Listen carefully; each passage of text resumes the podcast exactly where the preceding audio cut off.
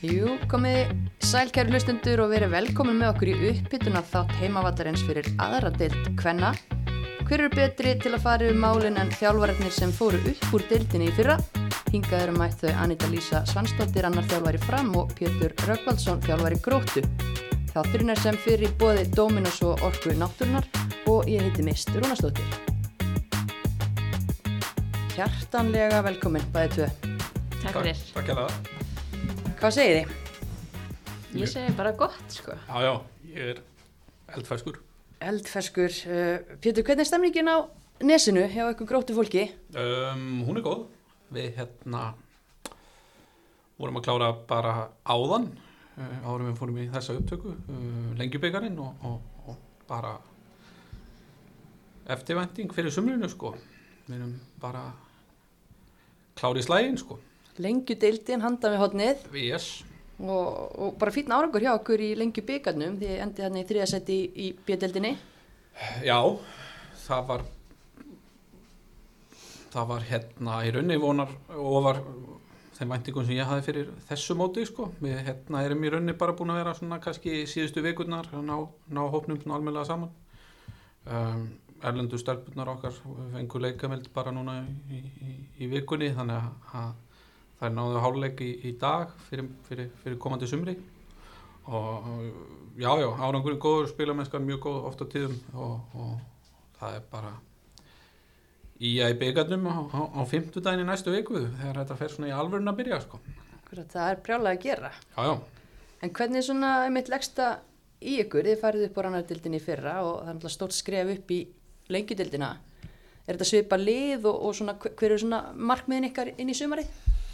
Uh, já það er kjarni til staðar í hópnum sem að, sem að jú, jú, það er aðeins hérna dottið út úr þeim kjarna í, í vetur, veist, það er bara gangu lífsins, það eru óléttur og, og, og, og stelpur sem að bara sögða gott í, í boltanum til miður en, en, en, en við höfum bara gengið ágætlega að fylla þau skörð og ég held svona grunnmarkmiðin okkar verði einhvern veginn bara að halda okkur í deildinni og, og, og reyna að bæta þann árangur sem við náðum á okkar fyrsta tímabili þegar við fórum upp úr annar deildinni síðast.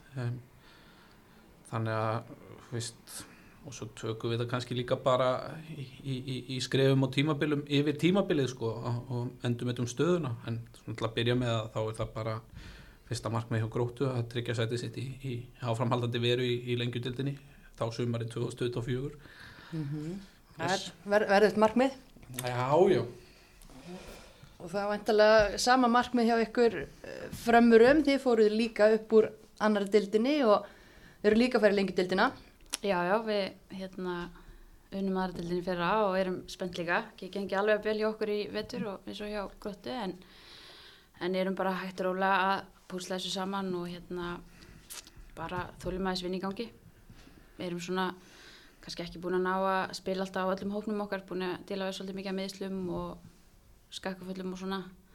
Þannig að við erum bara frekar róleg og, og eins og Pétur segir, bara fyrsta markmið er að fara inn, og, inn í mótið og hérna reyna stimpla sig inn í deildina og það, maður verður bara að byrja þar, maður verður að raunsær, þetta er líka erfið deild og, og hérna við náttúrulega erum að koma upp og það er alltaf svona, alltaf smá munur á milli deildana. En hvernig er bara svona stemningin í fram? Hún er mjög góð, bara mikið landi í félaginu og, og náttúrulega frábær, frábær umgjörð og frábært fólk sem við höfum á baku okkur þarna. Þannig að við, við þjálfar getum alltaf ekki verið annað en ánað bara með allt sem er í gangi og, og stelpunar svona, þetta er ekki gaman að tapa, tapa stórt og svona, þannig að það er svona búið mis, misgóður andi að þýleiti en svona svo finnum við núna eins og, eins og Pítur sagði líka að það er bara byggar næstu viku, þú veist, maður það bara núna að fara að horfa fram á við og, og það er alveg, alveg stemming fyrir því það er náttúrulega bara sumari er bara komið þó að veðri segi það ekki þá er, er bara móti byrjað og besta til kalla fann að staði einhvern veginn og maður bara svona, já, getur ekki beðið eftir að byrja almennilega sko. Ég er sammálaðan. Mér finnst nú verðið, það er nú alltaf koma til. Já, já, tölunar ánur aðeins hæri og rigningi svo sem sumar viður á Íslandi þannig að kannski ekkit, ekkit óverlegt viður. Nei, nei, þetta verður allt í lagi. Já, já.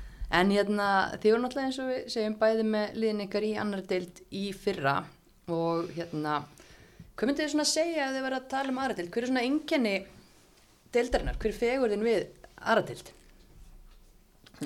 fegurinn við aðra del fyrir mér er, er, er húsæk vopnafjörður höfn í vopnafjörði skilur við, það er geðveikt Landsbyggðin. já um, og leikunum sem við spilum á, á, á vopnafjörði í fyrra var erfiður en veist, hann var ógeðslega skemmtilegur þrátt fyrir, og sko þá erum við að tala um leðilegt fótballtaveður sem var í þeimleik bara ógeðslega uh, skemmtilegu fótballleikur að spila þar sko, við fengum reyndar uh, heimaleik á móti Sindra og mættum bara einu sinni um, og, og en fórum náttúrulega hú, til húsavíkur þar sem að var góð stemming og, og skemmtilegt sko. Þannig að það er öðruvísi klálega svona þessi leikir og, og það sem að ann- önnur dildin hefur upp á að bjóða sem að við erum kannski ekki með í, í lengjunni Nei. ár sko.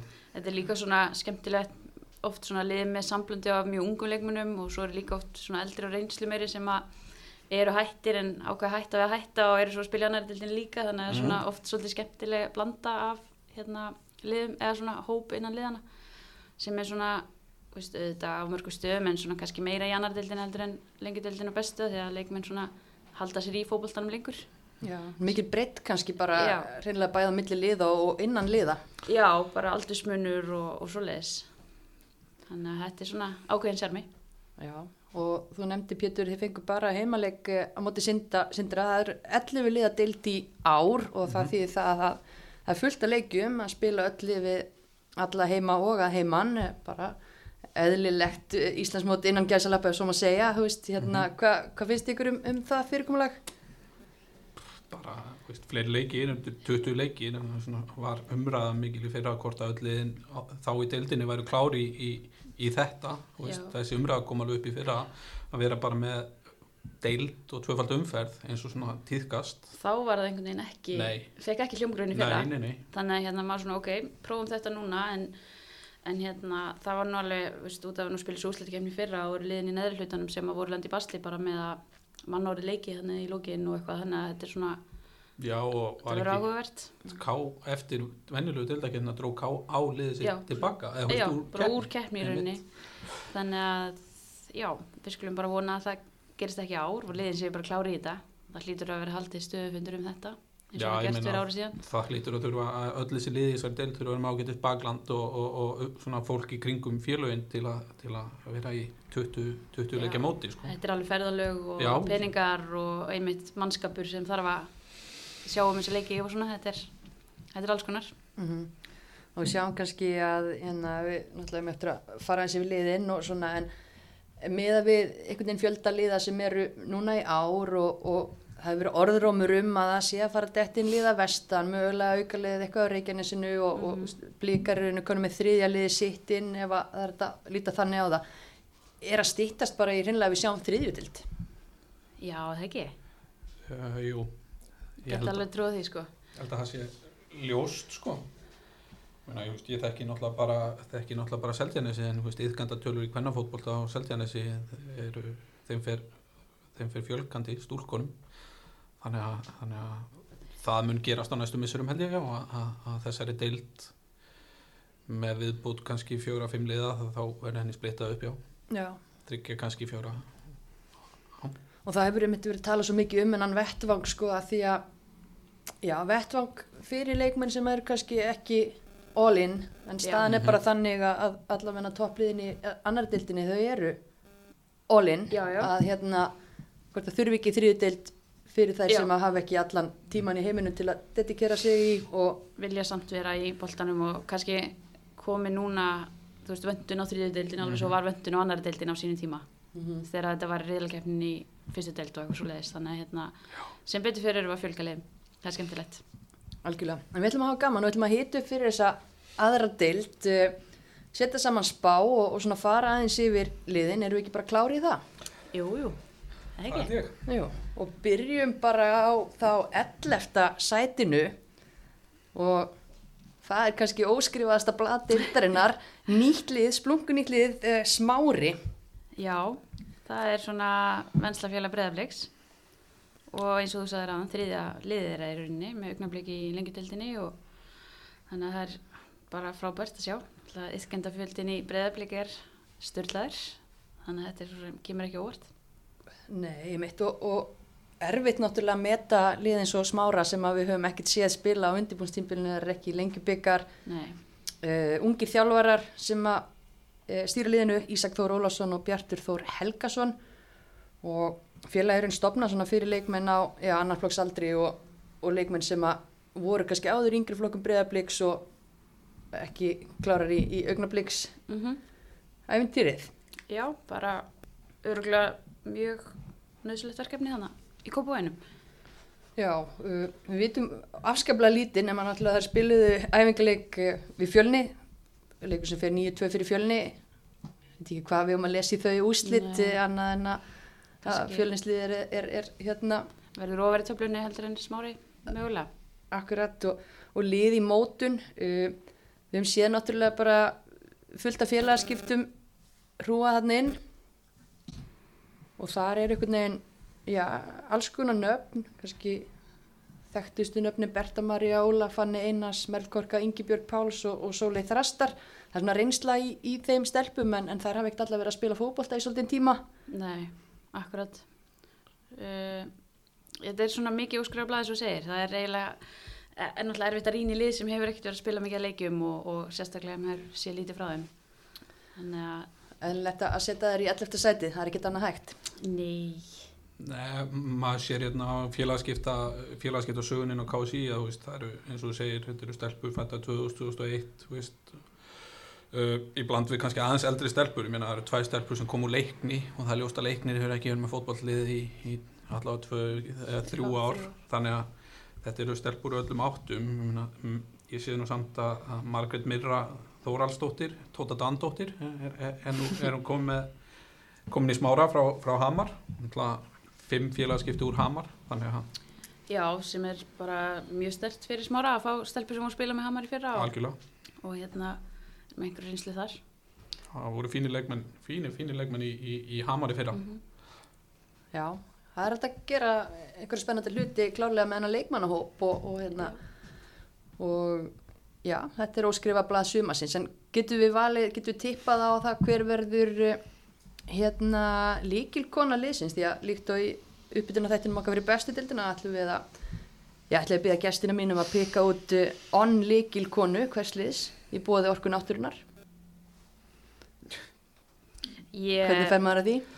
ég, sko bara miða við þessi nöfn, þá myndi ég segja að Margrét mér að vera sterkur kandidat Já. í að vera það. mm frábær í fókbalta og mikil, mikil svona kraft, eða kraftur í henni og, og svo les ég meina hún kom aðeingar með okkur hérna á, á uh, veist, síðasta vetur um, fyrir að, aðra deildina og, og veist, hún, er, hún er mjög frambarlegur og góð fótboltamaður sko, þannig að fótboltakona þannig að svona af, af 20 og eitthvað manna lista sem eru búin að fá félagskeitt í smára og það sem að þekkir kannski ekki öll nöfnin og þá er, þá er hún uh, bara fýtt kandidat í, í, í að vera líki leikmaður Mér veist hún, mér veist hún frábær kostur, vel, vel til fundið mm -hmm.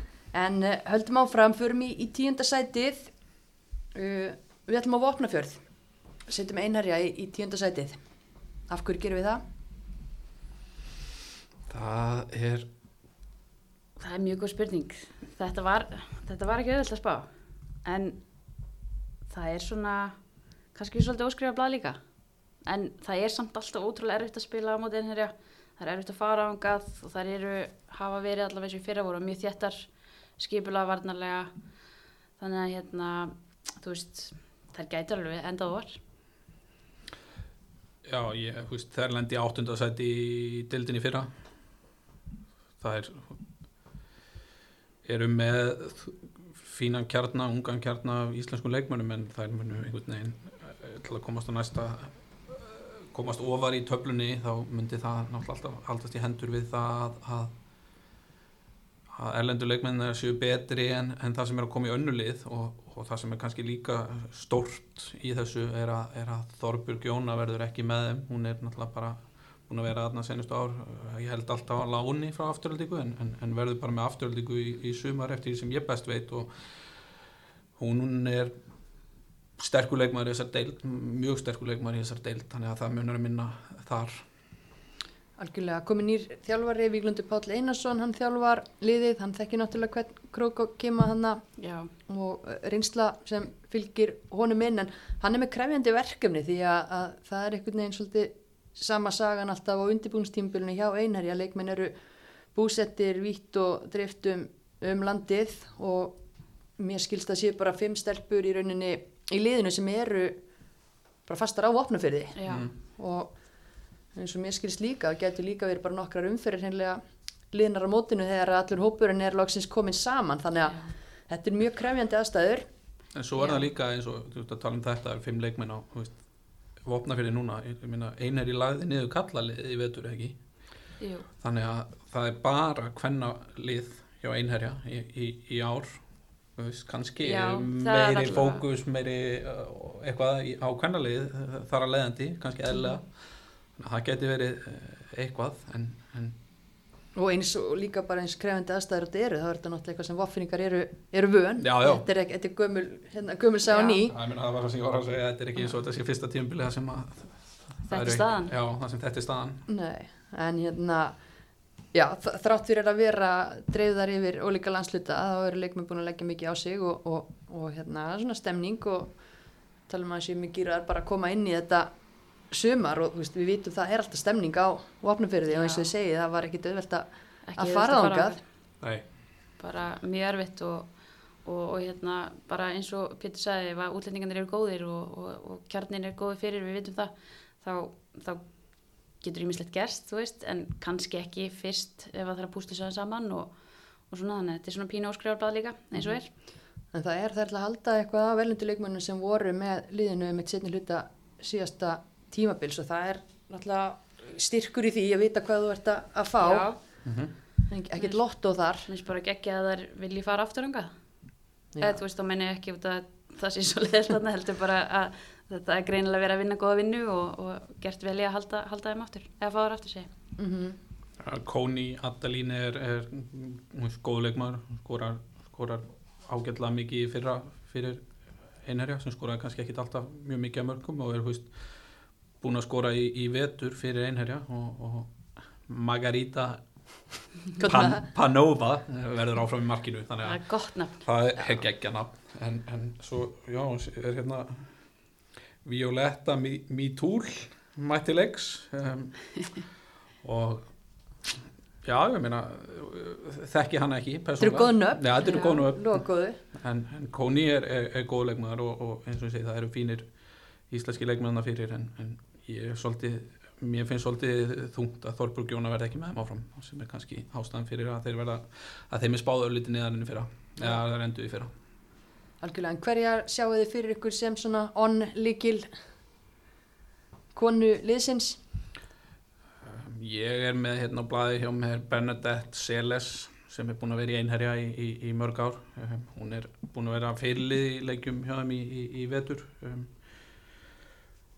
hún er, er líkilegmaður, hún er fætt 93 og eins og ég segi kom fyrst í einherja 2016 og, og svo er Kóni Adeline, Adeline uh, góð leikmaður. Uh, Otni Karlina er alltaf aðna og, og hún er góð þannig að veist, það er alveg möguleikar í stöðunni sko en eins og ég segi maður þekkir ekki þekkir ekki þessa uh, hver staðan verður með, með erlendur leikmenna og, og, og kannski veist, og finnst við erum að tala um einherja sem er oft með erlenda leikmenn í stóru hlutverkum að þá er náttúrulega staðan í annari dildin í ár þannig að, félagskipta glugginn opinn í alls sumar veist, hann lokar bara 1. ágúst það er ótrúlegt. Þannig að, þannig að það er í rauninni glænir vingill og eitthvað sem getur haft gíðulega áhrif fyrir liðis og einherja að að geta sótt bara í, í júni og júli bara leikmenn ef, að, ef, að, ef að það er hægt og, og ef að það er þörf á því að þá er það mögulegt því að glugginn í annar deildinni verður bara opinn til 1. ágúst og þá lokar hann. Það er ákveðin vingill Já, það er nýr vingill sem var ekki fyrir Sjáu þið fyrir ykkur að, að þjálfarar og forraðamenn liðana séu í rauninni bara að hugsa gameplanið algjörlega út frá þessum vinkli? Já, ég menna að þú lendir í einhverju basli í fyrst umfjörunum og ætlaðir stóru hluti þá er þetta allavega, þú hefur þá færa að bregðast við. Já, og, og það er nýtt. Þú þurftir alltaf að horfa í gluggan og bara þrauka þá fram að því en núna getur þú bara bröðist þig strax og sem er þá, já ákveði spennandi Já, líka út af einherji og, og, og svo sem sindri líka, það hafa oft verið með mikið af stelpum frá Evrópu sem að er svona, hú veist, það er ekki, ekki sjöveikna byggð á í útlendingastofnun eh, sem við þurfum með þessa non-EU leikmenn, sko, þannig að ef að þau, þau sér liður auðvitað með góða tengingar þangað, þá ættu þau geta til dæla fljótt farið og sótt leikmenn herlendis og, og fengið á til landsins í að spila fótboll það. Já, Já, maður er kannski að fylgjast svolítið með, með þessu, Já. svona, já, félagskipta rununni svona gegnum gangandi. nákvæmlega. En hérna, heldum að fram, förum í nýjönda sætið og uh, förum í hafnafjörðin. Við ætlum að setja IH í nýjönda sætið. Það er hérna, já, svolítið breytt konsept þar. Þetta var svolítið kempulið í, í fyrra en, en breyttist í rauninni svolítið liðið hérna frá fyrsta leik til þess síðasta. En, en í ára á að byggja þetta ungum F-háingum, stelpur á annars og þriðaflóksaldri með hérna tveim, þreim kempum svona til að stiðja við. Hvernig líst ykkur á, á svona nýtt mótel hjá þeim?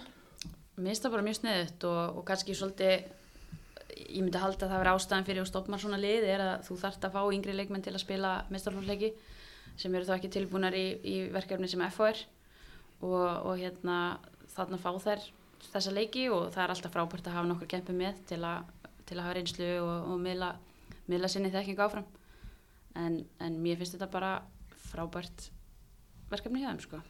Þetta er náttúrulega mjög góðir árgangar hjá FA og þessir annaflokks og þriðaflokks uh, árgangar. Mm -hmm. Þannig að- við getum verið að sjá fullt af svona mjög spennandi leikmönnum spreita sig hana. Þær eru allar frekar fljótar og teknískar og það er alveg, út, eða, það er ekki gaman að mæta þeim sko. Nei. Brynja Sigþórsson, yfirþjálfari FA, hann er með liðið, svo hafa Sigursson með honum. Þekkið þið eitthvað til þeirra? Nei, Ég þekki Brynjar aðeins toppdrengur bara veist, hann er bara mjög hérna, ég er með honum í, núna í, í, búin að vera með honum í, í UFA náminu þetta er bara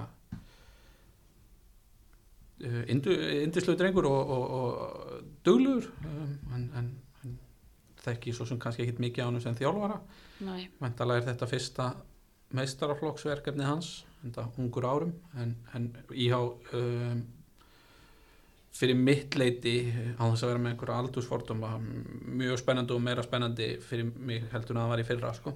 Þa, það finnst mér. Já. ég er alveg sammála því þetta, þetta gerir miklu meira fyrir FH sem Já. klúb að hafa verkefni svona þó að sé, hafa verið gaman að sjá sömnöfni fyrir á blaði sko, þá var það, er það svona meira spennandi ár að fá þessu ungu stelpur inn og Mm miði þetta svolítið við það En Sigmundina Sara og Viktoria Valdís, talandi um kempur, þær eru búin að vera þarna með, með korpasvitinni í hérna lengjubíkanum. En það er náttúrulega líka, eins og ég segi, það náttúrulega styrkur í því að vera með samt svona einhverjar, einhverjar höfðingja inn, inn á milli til þess að leipina og, og kenna. Já, það er oft bara nöðsilegt. Svona unga stelpur sem eru kannski að spila svona fyrstu leiki mestrarflokk, þar eru, þú veist, það er svo margt sem að kemur upp á það sem er gott að hafa bara einn, eins og þjálfar inn á vellinum sem getur sagt bara hei, róum okkur og þú veist, stýri svo aðeins. Af því að hérna, þetta verða hörkuleikir fyrir þær. Já, einmitt. Það eru unnu hérna sindra í, í mögnuðu markaleik fjögur þrjú í lengjubíkanum en annars svona hafa verið að tapa sínu leikjum og ég er svo sem ekkert búin að sjá þær og metta framistöðuna en minna er í, íháliðið minna gæti, gæti það farið eitthvað mikið ofar í þessari töflu Já, Það getur farið um tvö seti. já, þetta verður svona miðjumóðs lið þá ef, að, ef allt gengur vel hjá þeim. Já. og, og svo eru þetta hinn vingillin, það getur allt klikkað líka og það geta alveg enda neðar þannig að hérna að því að það eru svo margar bara stíga sín fyrstu skrif þá er að spá fyrir hvað er gera. Getið spáð fyrir það hver er að fara að draga vagnina hver er að fara að vera likil kona on hjá IH Já, ég, ég var með Sigmundinu Söru. Fyrir reynsluna? Já, bara, og náttúrulega Viktor Valdís líka. Þær eru bara báða með reynslu og, og hérna bara þannig karaktera líka að þær eru ætti að fitta vel inn í þetta og, og, og geta dreigið þetta áfram.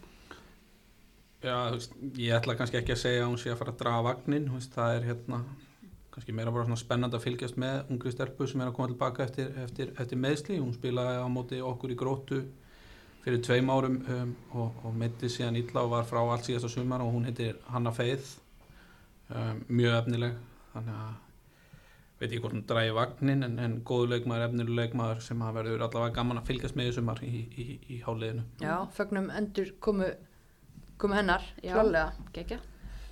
En uh, áttundasætið, við ætlum á höfn í Hortnafyrði, setjum Sindra í áttundasætið, Vesilinn og Jóhann Bergur Kísel áfram með liðið, um, en það er einhver svo litil umbreyting á, á liðinu.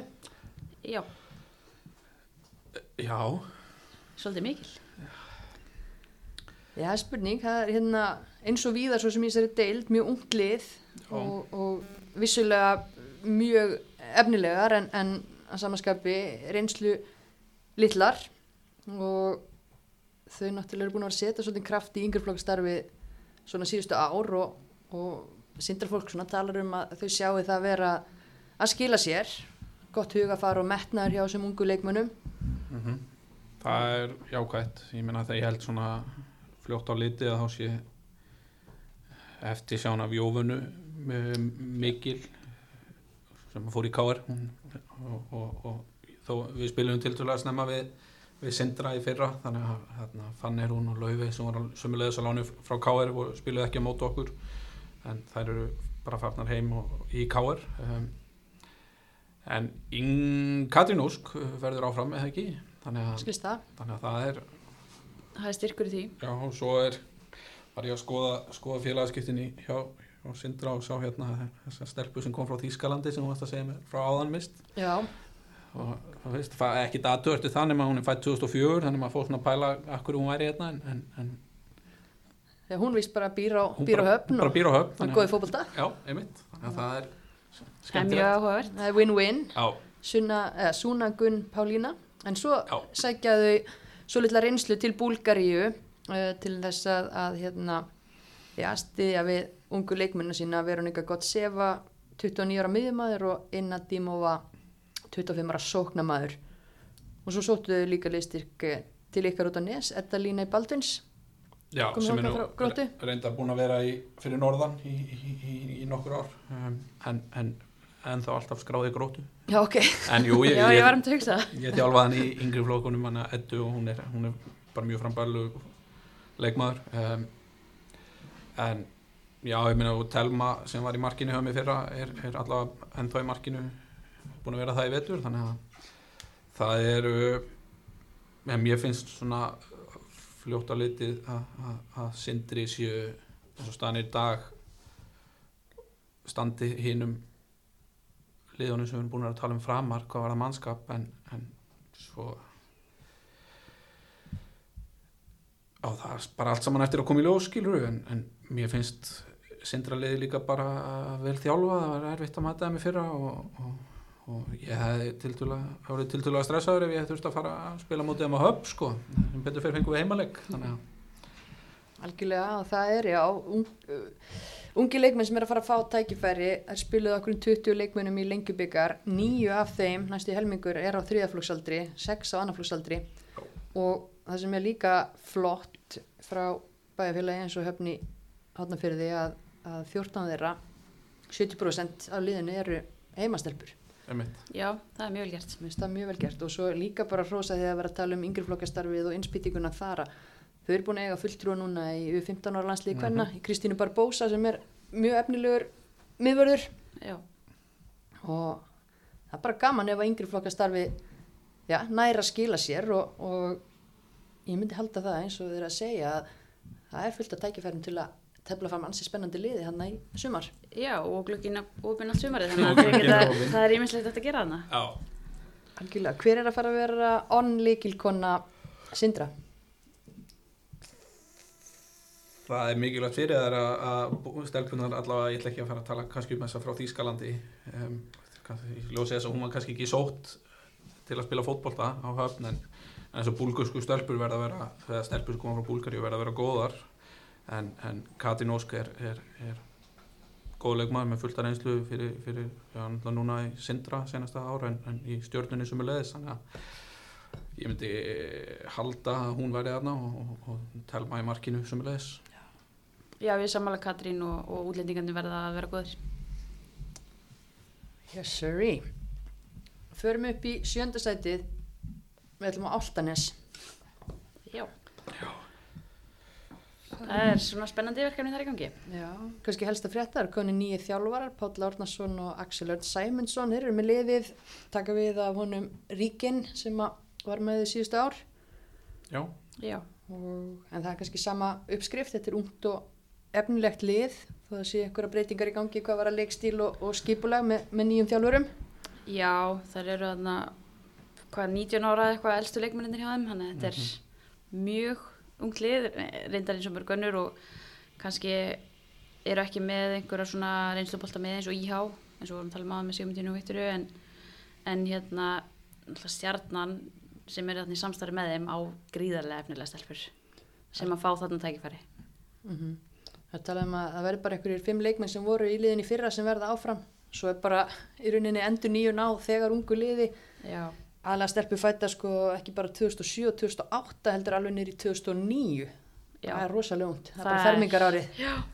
það er rosalungt, en þær eru mjög góðar. Já, sterkir, sterkir árgangar hjá stjórnunni mjög, Já, um, spennandi mjög spennandi sko a- a- að fylgjast með þeim en veist, maður var eitthvað svona að skoða þetta gamla leikskíslur frá því fyrra það er já, það er allavega mikill meiri hluti af þessum leikmunum sem var að spila ég hafði mig fyrra farinn frá Áltanesi ég meina Anita Ír spilaði nokkra leiki fyrra sem er ákveðin umræða út af fyrir sig meina, Mist Smára, Telma Lind, Heiti Semma Lilja Þú veist, Hanna Sól er úti, Handa Kristín Ástís Marja Frosta. Eh, þannig að en 2007 og 8 og 9 árgangarnir í, í stjörnin eru góðir og, og ég held að stelpur fættar 2007 séu geta alveg verið yfirdurinn og góð að spila í annar til hvenna þannig að það er ástæðan fyrir að við spáðum það þarna já, Ymmit. Og, og þetta er bara, við vitum að eru gæði og efni við þarna. Þannig við vitum kannski ekki nákvæmlega hvernig það kemur til með að, með að smetla. Þannig að þetta er eitt af þessu liður sem er rosalega spennandi að sjá bara hvernig kemur inn í mótið og hvernig bara ná leikmenni mitt að, að mattsa sig í þessari, já. þessari fullorinn steilt sem þetta er. Ég menn þar er að fara að mæta erlendu leikmennum sem eru bara margar hverjar fullorðnar og, og, og náttúrulega fullorðnar íslenskar stelpur líka í konustelpur í öðrum liðum þannig að hérna, þú veist, það er alltaf það er náttúrulega eitt að vera góður í fótbolta en svo er líka annað, þú veist, ertu með styrkin og annað og veist, eins og þú segir þetta á eftir að bara koma svolítið í ljós hvernig það er ná að matta sig við þetta Algjörlega. Eru þið með einhverja on-líkilkonu Altanes? Já, ég meina sem að kannski er svona spennandi leikmar uh, Hrefna Jóns framherri uh, mínar heimildi segja hún geti orðið besti leikmar í deildinni Já. Engin pressa á, Engin á pressa? 16 ára hrefnu? Nei, en þú veist allavega mjög spennandi og hérna ég seti hann á blað fyrir að vera svona þeirra leikilmaður Ertu sammála, Pétur? Er sammála því, já. Hrefna, já, hún er Hún var, ótrúlega hún var í fyrra, hún, hún er einu af þessum fjórum, er hún er allavega ári eldri í ár Akkurat. gamla klísjan búin að vera að standa sér vel með við 16 ára landsliðin okkar í vetur þannig að hún mæti vonandi bara fítónskrafti Já. hann inn og, og hérna. Þetta er allavega góður vettvangur fyrir hana eins og við erum að segja með þessi lið að, eins og fyrir stjórnuna að geta sendt stelpur þangað í samstagsverkefni. algjörlega. Um, það er líka ungt og efnilegt lið sem við spáum í sjötta sætinu það er KH Já. og það er- líka þjálfarabreiting þar Jón Ólafur Danielsson sem var með Grindavík síðustu ár hann er tekinn við KH Já, nú engin smá reynsla þar. Fá, fá Jónalegi þetta. og kannski skrítið að tala um það hjá svona ungu liði, KH náttúrulega kemur inn sem svona varlið og spilar, eða varlið vals, spilar á mjög ungu liði síðustu tíumbil síðan að liði var endur vakið en það má samt kannski tala um smá kynnslóðaskipti en skrítið og það er þegar við erum að tala um bara Já, unglinga. Já. Já. Það er svona kannski svipaði bragur á KH og, og, og Altanesi og IH og svona, þú veist, þetta eru það unga stelpur að, að þær eru ótrúlega góður í fótbolta, allar ótrúlega hæfileikaríkar en svona alltaf spurningi hvernig það matta sig inn í, í deildina þegar að spila veldri og reyndari leikmenn. Og svolítið af líkil mönnum kannski síðustu ára hjá þeim svona ef maður setur hérna gæsa lappa útskrifaðar úr þessu úr KH-verkefninu farnar á láni eins og Einmitt. bara Eva Stefáns til dæmis sem er bara að gera það virkilega gott með KH hún er alltaf búin að vera hana og, og fleiri, ég ætla ekki að fara að telja upp nöfn því þá gleymar alltaf einhverjum. En hérna á valur nóg mikið af ungum og efnilegum leikmennum til þess að í rauninni taka við og koma ferskar inn og, og gera jafnvel og KH hefur verið, að gera síðust ár? Já, það er líka samt, það er líka, það eru fleiri leikmenn sem verða aftur, sem voru alveg í, í stórum hlutverkum hjá KH í fyrra, sem verða aftur í KH, Valgerður Gríma verður aðna, Kristín Anna og svo er náttúrulega, Glódís verður aðna, sem að spila kannski ekki eitthvað risastórt hlutverk í KH í fyrra en, en, en hún er gífulega efnileg og, og það eru, þú veist, og hún hérna Artgunnur verður líka þarna áfram sem var í fyrra datt, datt út nafnið um, en jú, það er það eru, við erum búin að spila æfingarleik við þær í, í, vetur og það er klálega hérna nægilega góðir ungi leikmenn í, í val til að halda þessu liði þú veist, gangandi og lengjubyggarinn og þeim fyrir þannig að veist, þær vinna IH og Sindra sem að við spáum fyrir neðaðum og þær tapa fyrir IH og fjölni sem að við höfum eftir að tala um þannig að það er ljóst að þær eru ofar þannig að ég held að KH sé þarna eh, það sem við erum að spáða um sko ég held að það fari ekkert mikið neðar og ekkert mikið ofar sko. Manni fannst þeim mitt eins og í fyrra þær voru oft bara betra fótballtaliðir hreinlega á vellinum Já, en þær náðu ekki að, að klára leikina. Og það var svona stundum vorkindum að þeim að því leita þeir eru bara ungar og vantaði bara svona herslu munin upp á að, að ná að vinna leikin að því að hérna, veist, þær eru ríkalega vel spilandi og, og með, með hérna, tilkomu Jónula inn í þetta þá held ég að verði bara ennþá meira skipulaðari í ár. Þú veist, ekkert last á fyrir um þjálfara heldur bara Jónuli er það góður og búin að vera það lengi í þessu. Að manni fannst eiginlega bara ótrúlegt að hann tækir þetta verkefni að sér, bara geggjað. Mm og hérna þannig að það er spennandi að fylgjast með því líka það minnst það mikill styrklegi fyrir liða að vera með svona reynslu mikið þjálfara. Muni geta hjálpaði mjög mikið. Algjörlega en þú veist það er samt eins og þú segir bestu leikmennir þeirra í fyrra eru farnir skilur, það er alveg staðan. Þannig að aðrir verða að stígu upp. Það er verða að stígu upp og, og en samt stert að, að það séu en þá fjóri, fimm, sex leikmenn sem voru í fyrra áfram. Mhm. þannig að þú veist, einhvers konar eðlileg þróun á uppgangi og áframhaldi í KH sem er bara jákvæmt Já. Algjörlega, talandi um það, ég meina, hver er, hver er að fara að stígu upp og vera on líkilkona KH? ég segi Valgerður Gríma.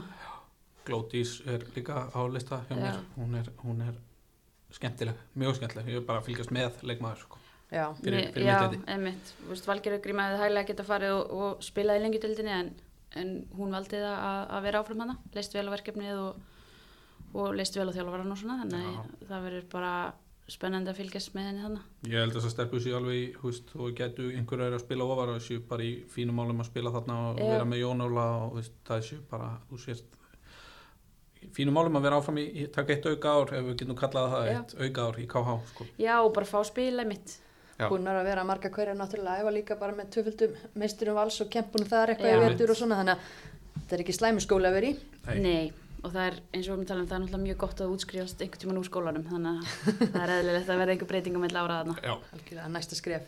Já, en hérna, það er komin háluleiku krakkar. Við erum hérna svona hálunöð í yfirferðinni yfir liðin og hvað er gott að gera í háluleik maður fyrir sjoppuna og maður fær sér- sér sneiða af Dominos. Já, pítsu það ekki?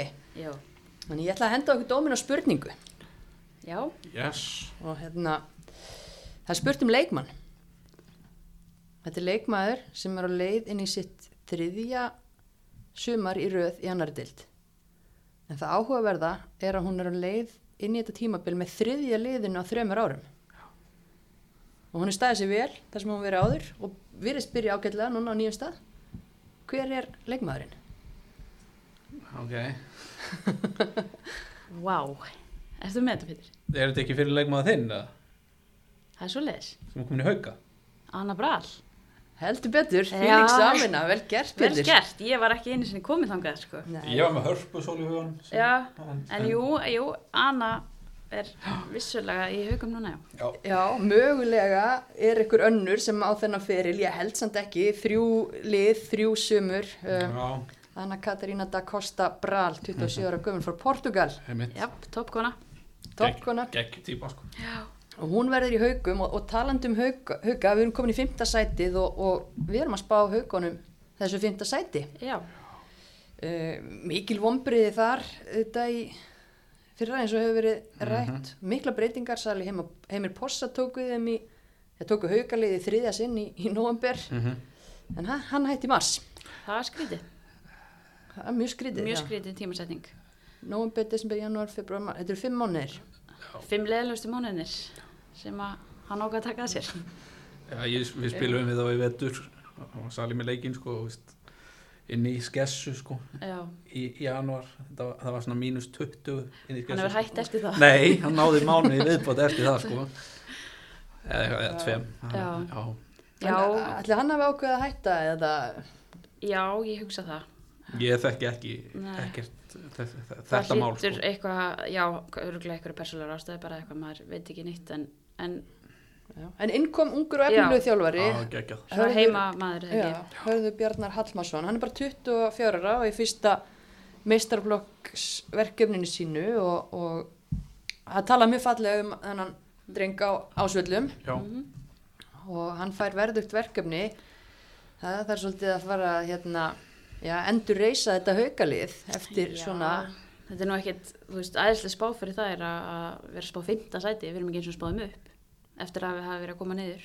nei, en ef þú horfir á bara einfalt, þú veist, komnar farnar mittar e, já, og svona bara hvað er búið í gangi á áslum þá er kannski erfitt að setja þær ofar. Já, Það eru konar með önnubral eins og við vorum að nefna. Edda Mjöll komin úr K.A.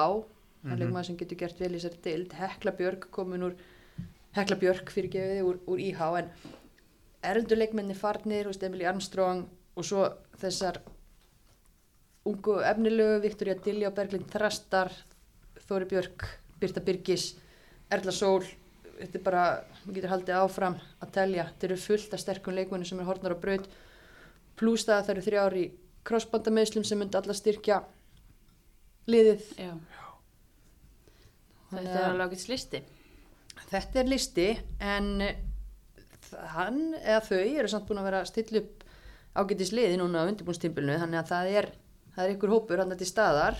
Og Já, við erum ekkert að spá þeim einhverjum, einhverjum skelvingum eða hörmungum, við erum að setja þær í solid fymtasæti í, í hörku deild. Já, já og, og kannski Anna Bral sem vorum að tala um áðan, hún er klárlega bara að fara að vera líkil maður þarna svo ég svari spurningunni henni strax mist en hérna, og hún, er, maður sér bara hvað hún gefið mikið hún er skóra hann að leggja upp og svona hún er með sjálfströst, hún átti gott tíðanbeli okkur fyrir Akkur skiptum, skulum ekki fara í þeirra aðstæðar hér. Það ekki? nei, það voru ekki ekki. Nei, en ok. hérna, það var bara, já, sammeilakkurinn og, og bara fínt fyrir hann að komast í gott haugalið og hún fekk bara góðan samning þar og, og hérna þeir voru bara, já, gerðu vel við hana.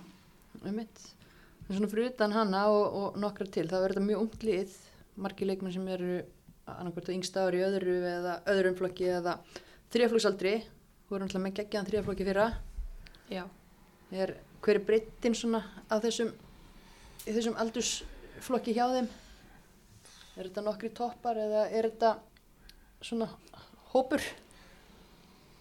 svona fljótt á litið þá eru þá er, er, er munurinn á milli bestu leikmann í, í liðinu sem hefur verið að spila í vetur og, og síðan annara leikmanna og of mikill skilur veist, það eru það eru hérna fljótt á litið fjóri, fimm, sex mjög góði fótboltamenn í haukarliðinu en, en síðan held ég að droppið sér töluvert sko. Þannig ég veit ekki með breytina sérstaklega að bara segja okkur þessa fréttir með, með meðslinn hjá þessum stelpum sem, sem hérna myndist á áðan Já, það eru kannski bara svo það sýtt ekki fram, Berglindi Björt uh, og svo tvíburunni Kristín. Erla og Guðrun Ágústa Haldustætur, þetta er allt hörku mm varnamenn sem myndu nýta sliðinu. Já. Stelpur fætta 2003 og, Bergildur 2003 og 4 allan annarkort og þetta er alveg blótaka, þetta er mikil blótaka tvíburarnir eru kraftmikli sko, góði leikmenn myndi bara mjög góður í annara deild sko Mhm. þannig að slitu er báðar Nei, krossband þetta er ótrúlegt Já. sko. það er ótrúlegt Ríkalegt. Bara með löngum millibili Ég, ég þekki það ekki, Nei. en, en vonandi bara eru þær greið, komnar á, á, á það mjög sinni Endur, endur hæfingu, já. já, Og hérna óskum þeim að sjálfsögðu góð spata sem og bergildi. Alltaf leiðilegt að að heyra, fá svona fréttir. já, En er ekki, það er engir erlendi leikmennulegin í hauka það Sko, Glöggin er opinn til 1. ágúst og erlendi leikmaður einn eða tveir myndu gera mikið fyrir þetta lið. Einmitt. Þetta lið er ekki það langt frá því að geta klifað upp með eitt, tvö sæti sko. nei, og jafnvel þrjú sem er kannski, þá kannski aðalmálið snýst um, hann á að klifur upp þrjú sko. græðir ekkit mikið að klifur upp um eitt sko. En liggur haugum á að komast það er síðan hins spurningin fyrir mér Nei. nei, svarið nei við þeirri spurningu einhver uppbyggingafasi að fara í gang núna Já, en ef veit, svarið nei fyrir ykkur, hvað haldið þið svona fyrir haugamannin, fyrir, fyrir þjálfarliðsins til dæmis eða, eða stjórn hauga? þetta viltu alltaf fara upp með liðið þitt aftur og klúburinn vill að bóti en svo er spurningin bara hversu skynnsamur þú ert líka í að búa til eitthvað smá plan og, og vera þólum ára að fylgja því eftir.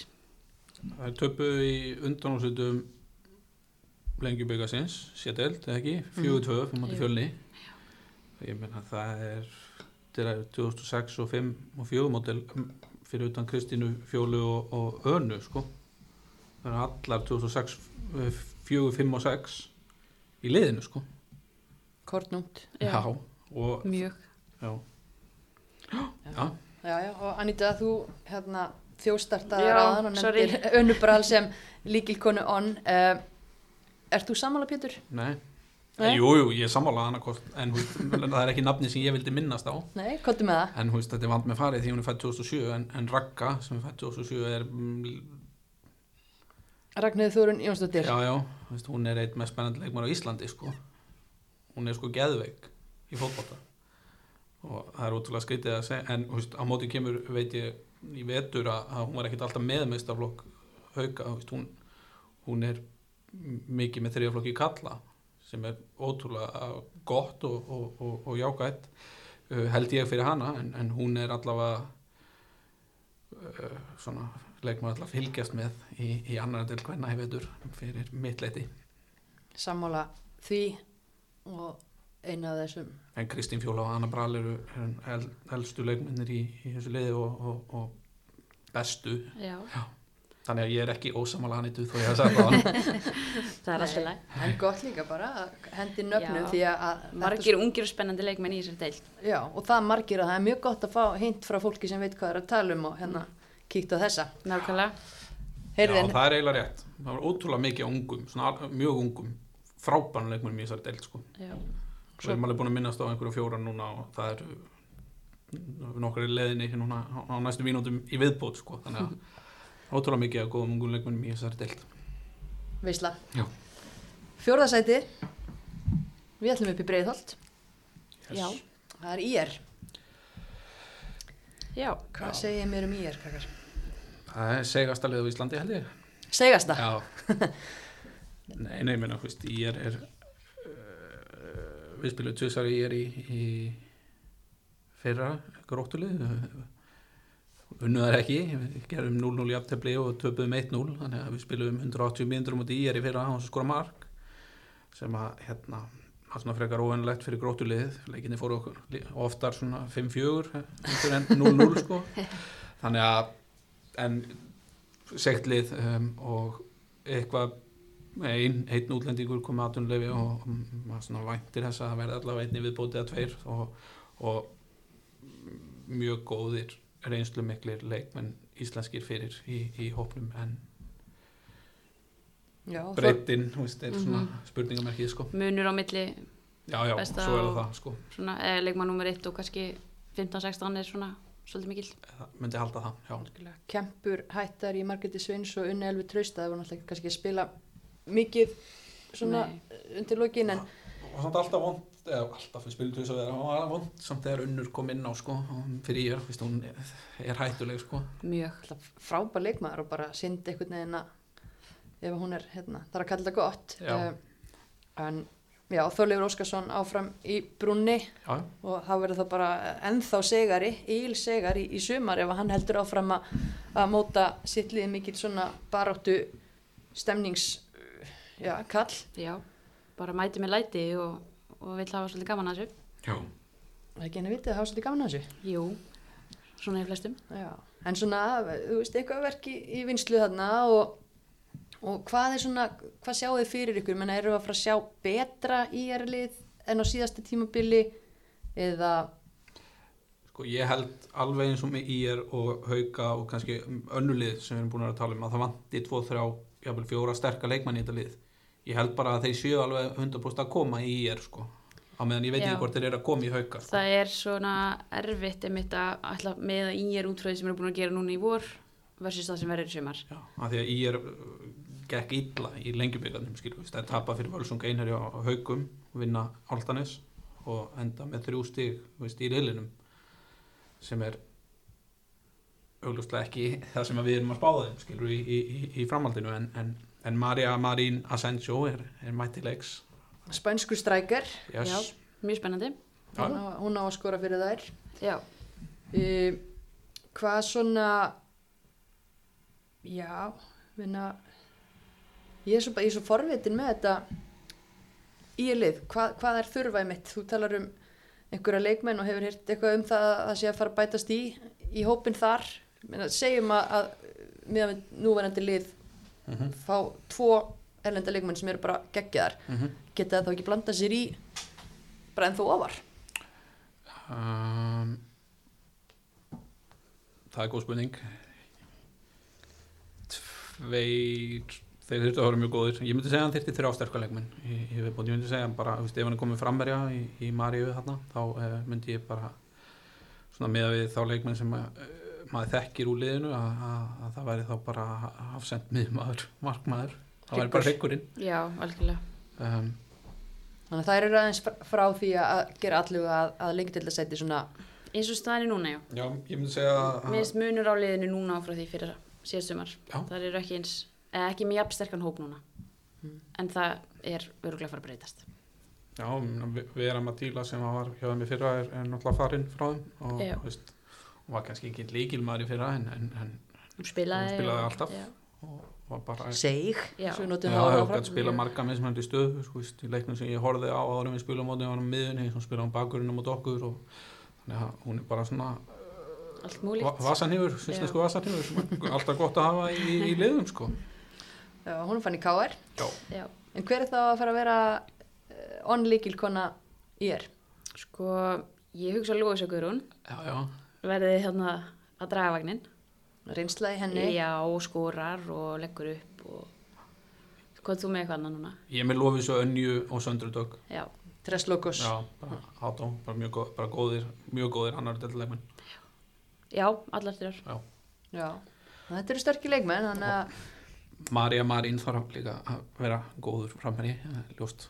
Já, Já, og við- það vantar öllítið Já, í já, viðbót ég held að það komi, ég held að það sé að koma. já, það er einhverja breytúr hérna með einhverja- sendingar en uh, þriðasætið Já. það er spurning hver vil láta spá sér því við erum ekki að spá þessu liði upp við erum að spá því að þri, þriðasætið að völsungar já haldið sér á svipum slóðum og, og komist ekki upp um deild pínu leðalegt af okkur. já, Það er eiginlega grátlega nálætti. Já, það er svolítið þannig. Uh, það hafa verið gráðlega nálægt í undanferðina ár. Það eru, já, mjög, þetta verður mjög breytt lið Já, og stór nöfn horfun á braut. Já. Það eru búin að semja við tvo erlenda leikmenn. Ok. Það eru ekki komnar, þannig að við getum ekki metið út frá þeim. Það er miðmaður og, og sóknamaður. En svo Já. bara áfram samstarfið Þór Káa sem að reyndist þeim bara gjöfult í fyrra. Þó Já. nokkri leikmenn, þú veist, á annarflóksaldri sem verða lánaði yfir eins og í fyrra. Ég meina, eru það leikmenn á sama kalibri og Una og Sonja voru í fyrra? Það er spurningin. það er svolítið erfitt einmitt, ég held að allir sjálfur viti bara náttúrulega ekkert hvað leikmann að fái. Nei, þú veist, það eru nokkra komnar en það eru... Já. Já, veist, á, áður en að einmitt er koma þá veit hann bara svona, hann þarf náttúrulega að bara vera í samstarfinu og Já, hlusta á það sem hann fær. Nú er alltaf því. komin í brúna hjá Þór Káa Já. Jóhann Kristinn, þannig að kannski hugsa falla til þeirra. Alveg bara híklaust, við vitum það en, en talandum alla, hann er náttúrulega aðstætt Jóhann Friðriksson áfram með liðið reynslu mikill þjálfari og, og þekkir þessa deildur bara einna besta þjálfurinum í deildinni. Já, þannig að það Er styrk hann ekki búin að vera þarna bara síðan John fór? Það var einhver annar milli. ég held að hreinlega hann sé búin að vera þarna. Á þess að ég sé þóra að fara alveg með það. Já, hann er búin að vera mjög lengi. Já. Þannig að það, telja að það væri mikill styrkur í því sérstaklega Já. þegar þú ert að, að breyta leikmannahópniðinu svona og, og hann og Jói náttúrulega sem er að fara að lána hann leikmenn þekkjast Já, já. náttúrulega Já. mjög vel, það er pluss líka þar en þær eru farnar þú veist, Alisson Pattinson og Brooklyn Nilsen og svo eins og þú segir það voru náttúrulega Þór Káastelpur í, í algjörun líki hlutverkum hann í fyrra Sonja og, og Unamóður og leittóin Harpa Áskers hún er hætt já, en hún er reyndar Ah, hætt áður Hún er býðum aðeins Já, já. Já.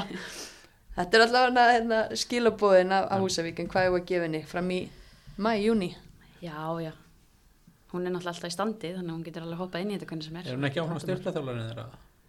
ég, Ég veit það ekki. veit það ekki.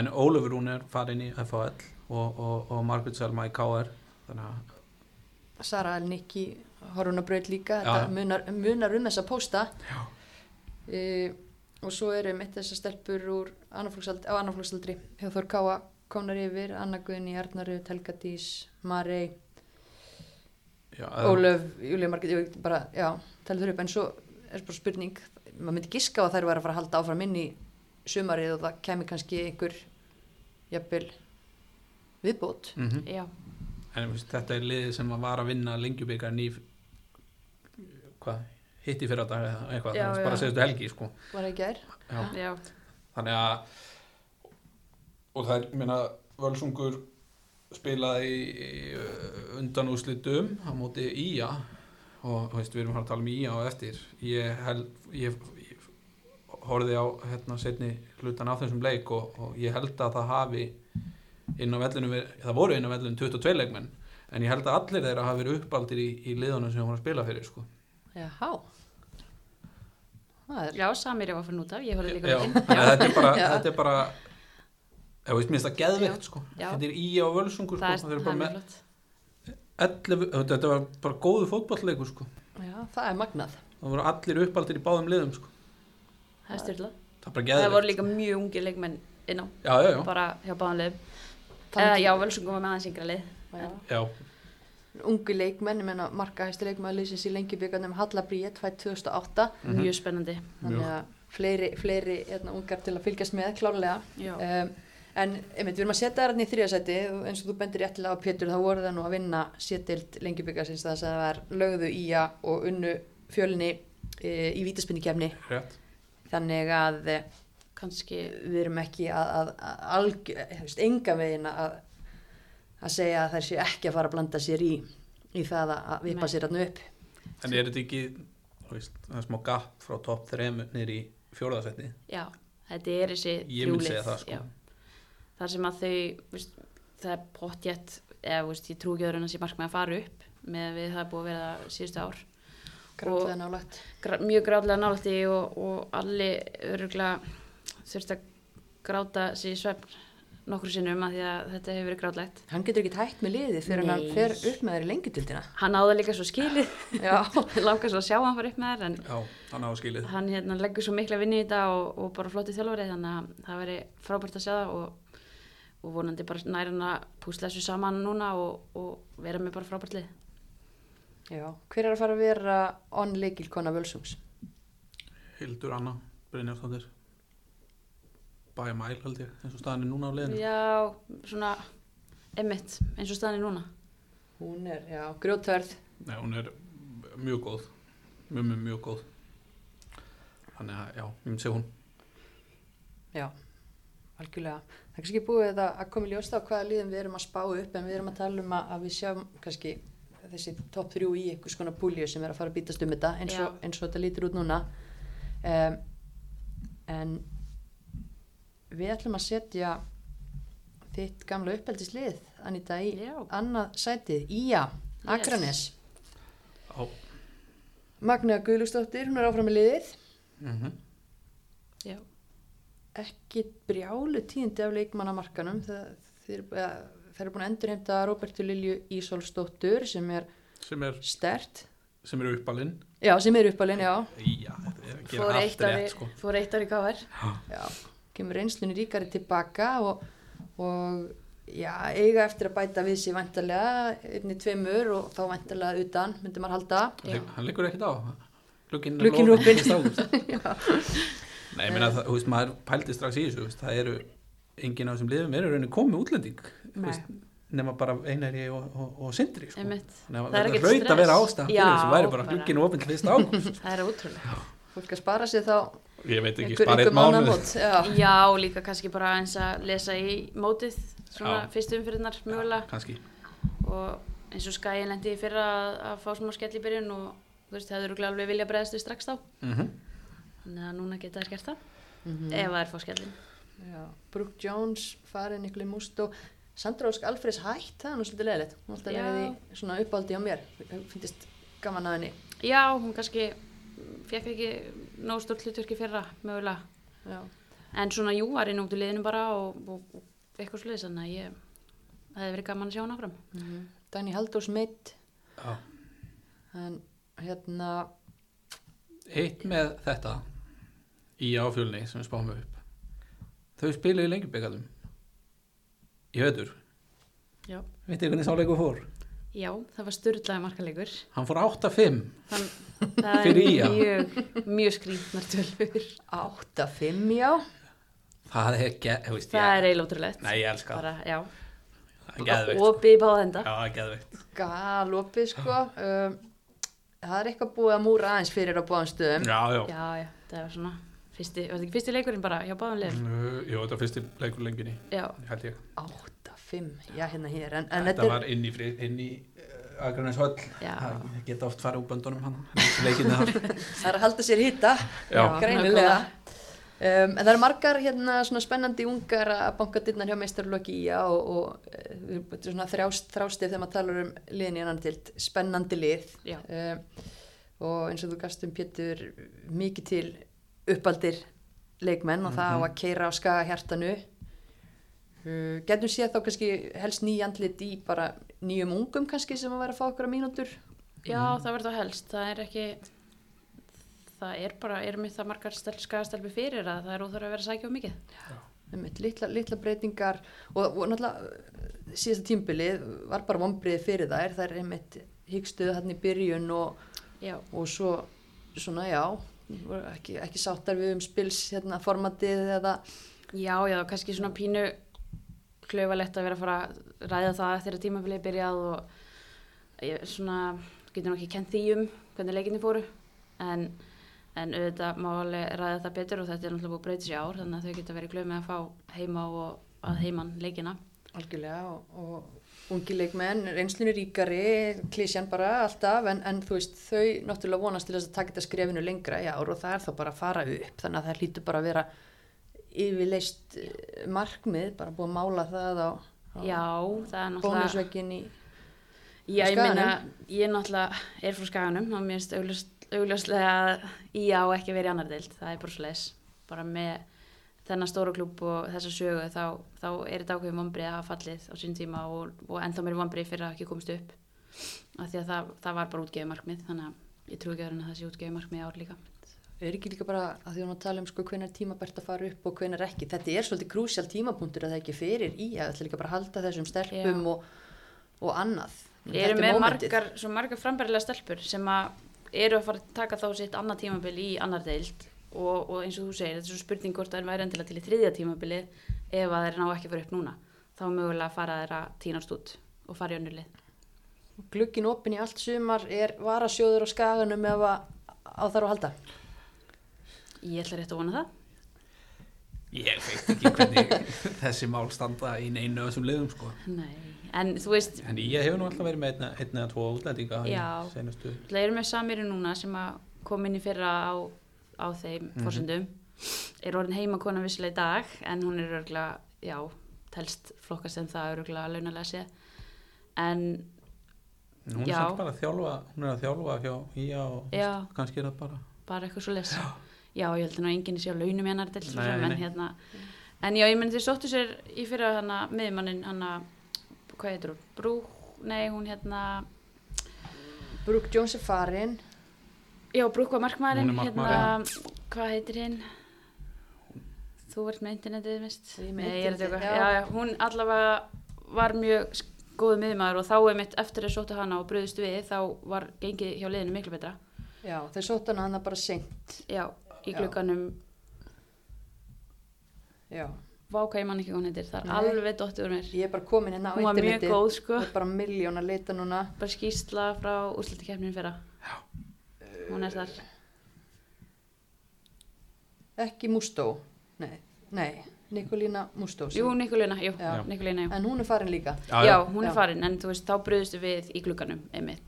Þannig að kannski eins og við erum að segja að geta bröðustu fyrr er þá betra að því að eftir að hún kom þá, ef maður skoða gengi í að bara úrslitakeppnin og svo svona síðustu leikirnir, þá voru þær bara með, áttu að vera í efsta sæti í deildinni, eða einu af efstu sætunum. Þannig að hérna, það vantaði lítið upp á í fyrra, getur við sagt. Hefði verið hægt að bregðast við. Já, og við erum að veðja á það að, að þær tæki skrifið í ár. Já, en það er spurning eins og pizza hvort það þurfi ekki samt þennan leikmann með. Mhm. Já, sagan segir að getur bæst við þannig með mitt eitt tveir, þannig að, að það er mjög spennandi. Verður vonandi vel, vel valið. En, já, Já, bara vonandi mitt verður lagt í þetta til að fara upp að því að það er vonandi krafa í bænum mínum. Algjörlega. On líkil kona í að Sko, ég held að ég byrja því að ég veit að Pétur fyrir unga og ég held mig, held mig við reynsluna. En ég tek hérna unnur Ír Haralds. Það er svona mín go-to kona þegar kemur að þessu. En auðvitað eru Bryndís þarna Anita Sólíverninni og, og fleiri reynslubólta með. Er unnur búin að vera á fullu í allan vetur? Já, hún er að spila og bara, þú veist, er bara það áræðin og sá leikmaður sem að sæk, hún sér ekkert nema markið. Veist, Hún, hún getur alveg spilað tilbaka en hún vill það helst ekki nema bara í allri, eða bara já, nema nöðsilega en, en hún er ótrúlega lungin, hún er góða sjá, sjáhlaup og góða, hún gerir líka alveg ungu stelpunar kringu sér góðar. já, Hún setur ákveðna kröfur á þær og svona. frábær leikmaður Já. og, og hvað er hann að fara að setja mörg mörg fyrir þær í sumar Ég ætla að segja, ég vil hún skora 15 mörg. Vá, Já. það kemur hérna eitthvað tíja en ok, 15 Hún skoraði 15 mörg í lengjudildinni með okkur 2018. Já. Getur þetta sko? Já, já, engin spurning En Pétur, hvað séu þú, Anita segist allir reynsluna að þú allar í, í hinnendan ekki ef unnur skora 15 sko, það þurfum við ekki að ræða þetta neitt sko. en eh, nei, bara veist, áframhalda þeim stelpum, spennandi ungu stelpum sem við erum búin að tala um, skilur veist, sem eiga bara sko, ótrúlega bjarta framtíð fyrir sér í fótbolta, þá er hérna Sunnarún miðum maður upp á Skaga, fætt 2008 um, á þeim lista og er bara uh, uh, leikmaður sem er ótrúlega gaman að horfa spilar eins og hún sé miklu, miklu, miklu eldri og sé búin að spila miklu, miklu, miklu fleiri leiki en hún hefur spilað og bara hefur annar fengið reynslu móður sinnar Margetur Ákadóttur bara svona í vöggugjöf. Spila bara eins og yfirvegu hérna, kempa. Já, bara leikmaður fylgjast með hún klálega Já, hún er örgulega bara einn af okkur mest spennandi miðjumönnum. Já. Bara í yngri landstöðunum líka. Já. Og svo er líka Vala þarna, Vala Marja. Mjög spennandi. Þannig að það eru alveg með mjög unga leikmenn líka með þessum sem eru ungar en samt orðnar eldri. um mitt, það er, já, já, en þú veist, kjarnin, þú veist, íslenski kjarnin upp á Skaga er töluvert töluvert betri en hjá öllum þeim liðum sem við erum búin að tala um Já. þú veist, við erum Karit, Erla Karitas er þarna skilur, þú veist, það eru allt fullt af leikmönnum sem við erum ekki einu svona nefna sko, sem eru bara, væru augljóslega leiki leikmenn í öllum liðunum sem við erum búin að vera að tala um hinga til. Þannig að það er ástæðan fyrir að Ía er þarna uppi Já, það er líka eiginlega útröld að við hefum ekki nefnt Samiru en Já, hún er líka örgulega að fara að draga vagnina og vonandi skora mikið mörgum fyrir þær. já, átti fallegasta marki í fyrra Já, fáum við hjólest frá hann eftir í hún reyndi hjólest í, í að völsungurum daginn. er það? Já, ég held hún reyna hann einhverju með einsta leik þannig að hérna, ég kunna með það Já, bara að taka upp kamerurnar, fólk sem er á vellinum og, og ná þessu. Einmitt. Fyrir um fyrsta sætið, já, búin að gefa það upp, en, en það er áfram guli liturinn, við erum fann í grafavógin og erum að spá fjölniskonum efsta sæti. Já, Af hverju erum við að setja þær fyrir ofan Ía og Völsung? um, að því að ég held að þau séu með besta leikmannin dildinni já, um, og það er allavega þú veist, ég held að sé séu allir saman á það að mesta breytin er í fjölinsliðinu já, og við erum að fara í 20 leikja mót og, og ég myndi segja að- svona horfandi á byrjunlegin sem hafa verið að stilla upp að, að veist, Alda Ólafs er þarna skilur en, en og hina stelpunar eru jafnar og ekki kannski augljós veikleiki á, á þeirra liði svona leikmannalega séð á móti kemur er listin yfir komna leikmenn mjög langur hjá fjölinni sko. Og það er hérna, við erum að tala um þessi mikla breytingar hjá KH veist, helmingunni þeirra fór í fjölinni sko, það eru fjóri leikmenni eða eitthvað og farnir úr KH í fjölinni Harpa Sóli, Íris Pál, Skulu, Áskis þannig að það er elda maga. Eldur Magga og Og svo er F-fáingar líka, Eldan? Já, Já, jú, hann, ég veit ekki, bara Tin- fara í Tinna fjölni. Sól, og Petra komnar á FH og Lára Óskar lánin frá fram um, Odni sem var í fram en Já. var síðan í Viking og, og Þórun Eva um, eru komnar þannig að Þetta er rúmt byrjunulið af leikmenni sem eru og, komnar yfir. Já. og, og, og þau eru að sækja Erlenda Markmann sem er bara vitað já, Já, Kittlin Kellogg. Kellogg's hann er með svakalega hérna. breytt. er ekki S í væri Kellogg's Já, ég veit ekki, ég með þetta bara Kellogg. Já, hérna, já, en það ég- er það ætla var bara, ekki ég var einnig allkvöld Nei, en, en þú veist, þetta er mitt, hörku breytt og það hefur svolítið verið lenskan kannski í þessar annar deildi mitt þegar fyrir að líða og það fyrir að kvarnast úr hópum, Já. mikið af stelpum að fara út í skóla, meðsli og annað, annað. já. Það er bara, Hann getur stilt upp tveimur liðum. já, hann hefur henni tvo leikmenn um hverja stöðu og, og það gefur náttúrulega auga leið þá að það er meiri samkeppni á æfingum og, og, og í rauninni verða þá allir betri með því að fá samkeppni. Farnir líkir menn, ég menna það er búið að tala mikið um Söri Montoro í gegnum árin, hún er farin í FA og Hlín Heiðastóttir farin einnig, þetta er stelpur sem að hafa spilað risa rullur, eiga þær heimastelpur til að stíga í, í þá skó. Uh, já, uh, stígið þá sko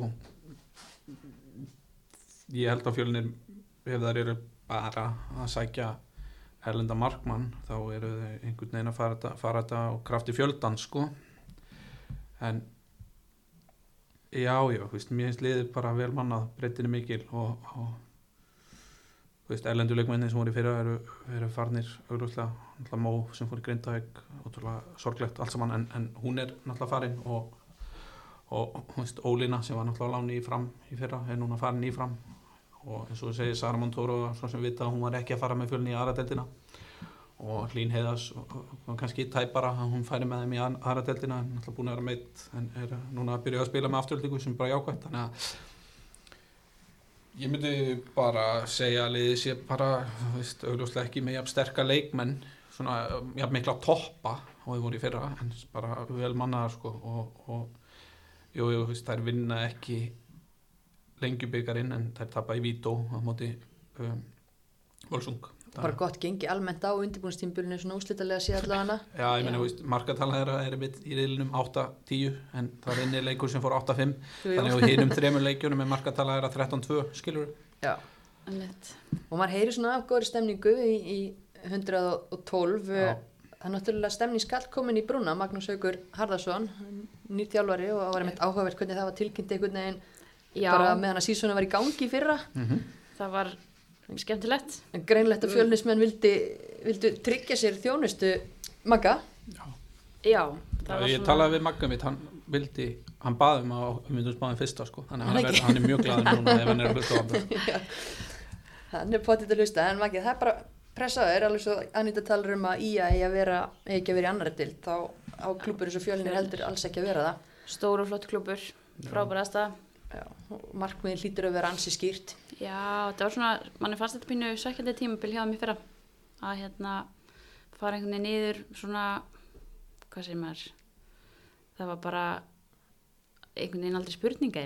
Nei. bara svona búið að vera bara, ef við tölum bara reynd út, bara fyrir mikil deyfið yfir Já. fjölninsinu bara síðustu ár og, og þó að þú veist úslitin hafi verið upp og ofan og einhver svona moment þá svona heilt yfir er ég allan bara svolítið að, að býða eftir að klúburinn félagið liðið rangi svolítið bara við sér Já, og, og það er döðafæri til að gera það í sumar já, já, þeir eru með partikall í brunni og hætti að hafa gaman, sko. hver er að fara að vera onn líkilkona fjölnis? Það er Alda Já. Ólafsdóttir. Við vorum frekar sammála þarna. Er já, en það eru samt mjög stelpur sem búin að vera já. í fjölni, Rafnildur Átna og Mar Marta Björg sem, að Já. hérna, fólk að Elvi og fleiri. Elvi er þarna og, og, og er ég á Anna Maria Borgþós er náttúrulega en er bara, þú veist, það er fullt af Já. frambarlegum leikmönum í, í fjölni og, en Alda Ólafs er uh, hún þarf að vera góð í sumar og þá er þetta niðurstaðan allavega tóttver Já. Þú sagðir á hann að það eru verið mögulega með besta leikmann í dildinni. Er það? allavega, Alda Ólafs. allavega e, einna betri Íslandingunum í Já, já, það er náttúrulega Besta íslenska markanefi hún mun já. bara Eina skora þeim, já. helling í Hún þessari er, þú veist, önnulegur kannski með yngri frammeira líka, íslenska, og meðan hún er bara með þessa reynslu og, og, Þekkt stærð. Já, við vitum að hún skorar og við vitum hvað hún getur. Mhm. Algjörlega. Þannig að, já, fjölnir og Ía er á leiðinni upp. Völsungu vera nart í hæluna þeim, Já. greið allir minn. það nægu tími fyrir hinlegin að bæta við sig klukkinn er opinn ef, að- ef að einhver Já, náði því ekki. Uh, það stefnir allt í bara gríðarlega spennandi sumar. Ég hérna bæði eitthvað svona um að hafa á bakvið eira og þeir eru svo sem búin að nefna einhverja nokkra leikmenn sem þeir eru svona spenntust að fylgjast með í deildinni í sumar. Uh, ef við kjörnum það svona aðeins og, og gefum áheyrendum uh, tvö þrjú nöfn til að hafa augun á með nefna þær sem þið hafi rætt um áður hva, Já, í rauninni erum við, þú veist, búin allavega nefnir sem ég var með, við erum búin að tala um þar allar, þú veist, það er Sunnarún í Ía, uh, Valgeri Gríma, KH, Hrefna í Altanesi, Mhm. þetta eru mjög spennandi nöfn og enn eins og við vorum að tala um án líka, við getum verið sett upp svona 15 nöfn á blað og það var margir spennandi leikmenn. Algjörlega. Já, þú veist, fyrir mig er það Glódís í KH, Ragga í Haugum, þú veist, Hildur í Völsungi, náttúrulega ekkit ung, eða, þú veist, er ekki ung, hún er tvítug, þú veist, Gaman að fylgjast með henni sant? Já, veist, hún verður mjög góð og leikir leikmaður fyrir Völsung. Um, eh, er ég að gleyma einhverjum? Nei, já, hrefna og búin að tala um hana. Já. Já, og svo væri gaman að sjá, veist, Hanna Feið var mjög góð, sko, fyrir tveim árum, hafa nú myndist mjög efnileg, þannig að það er vonandi að hún komi kröftu tilbaka í, í, í háliðinu. En það er svona nöfnin sem maður, ég var með allavega á blaði, sko. Einmitt.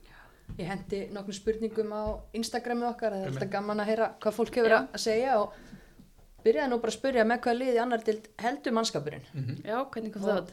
Það er bara þannig að heimavöllurinn er grunlega vinsæll á Húsavík, það er mikið Yes. fólki sem að Ah. stiður völsunga, kannski einhver svona, eh, hvað sem er arleið af, af þessum titli sem það var að vinna í gær og, og mikið stemning, en bara gott mál. Uh, Já. En það var alveg einrúma, fólk er sammála okkur, það verða í að völsungur og fjölni sem berjast um að, að fara upp. Já. Það var Já. bara nánast engöngu tippað á þullið. Svo spyr ég hver er markahæst? Alda Ólafs. Mm Ok, Og ok. Þið eru kannski, hver er aðra getur blanda sér í þetta sko af þessum leikmennum sem við þekkjum. Við veitum náttúrulega ekki hvað erlendu leikmennir er að fara að koma með af, af mörgum. E, Samíra Súlimann, hún hlýtur að blanda sér í þetta. Jú, sko, þú með 20, þú er með 20, þú er með 20 leiki. Já. Ég setti náttúrulega unni á 15 mörg, þannig að það var blanda sér í þetta. En nú er, sam, er Samir að fara að spila 20 leiki í sumar. Það kemur í ljós. Já, já, það kemur. Já, já, já. Nei, ekki, jú. að- ekki að fara að afskrifa það strax. Nei, nei, alls ekki. En ég held að það sé alltaf, það er bara svo erfitt að vita Já, hver- ég hverjar held- eru að spila svona. Ég er að segja Lovísa, nafn, já, Lovísa. Valgeir Gríma skorar líka mikið, Lófisa í er getur og erle, það er, er ekki tískan að taka erlenda framherja þannig að við erum kannski ekki komið með leikmann í Nei, deildina sem er einmitt. markaðastur Ég meina Jessi var markaðist í okkur í fyrra, að það er, Algjörlega. Kandidatar í að vera best, uh, mm -hmm. var það ekki svona alls konar? það var alls konar. En það voru tvær skagamæður sem, sem fengu daldið af atkvæðum Bryndís Rún og Róberta. Já. og Kristín Fjóla Haukar. Eva Smára Fjölnir Já. þar Já. voru nefndar í þetta. Ég myndi segja Hildur, Anna og Alda Ólafs. eh, Já, bæta þeim með mingið já, svo er þetta náttúrulega bara up for grabs fyrir, fyrir hungraða leikmenn sko. Uh, Ía á besta heimavöllin samkvæmt Ég heimavellinum. ánað að heyra það. Er Mikið að heyra það, já. Það er líka Húsæk. Já, Ég er hérna Húsæk. já, Húsveik er góð veldur sko en, en þú veist, gott aðgrænsvell í góðu veðri og sjáðu langasandin á bakvið og Í góðu veðri, já.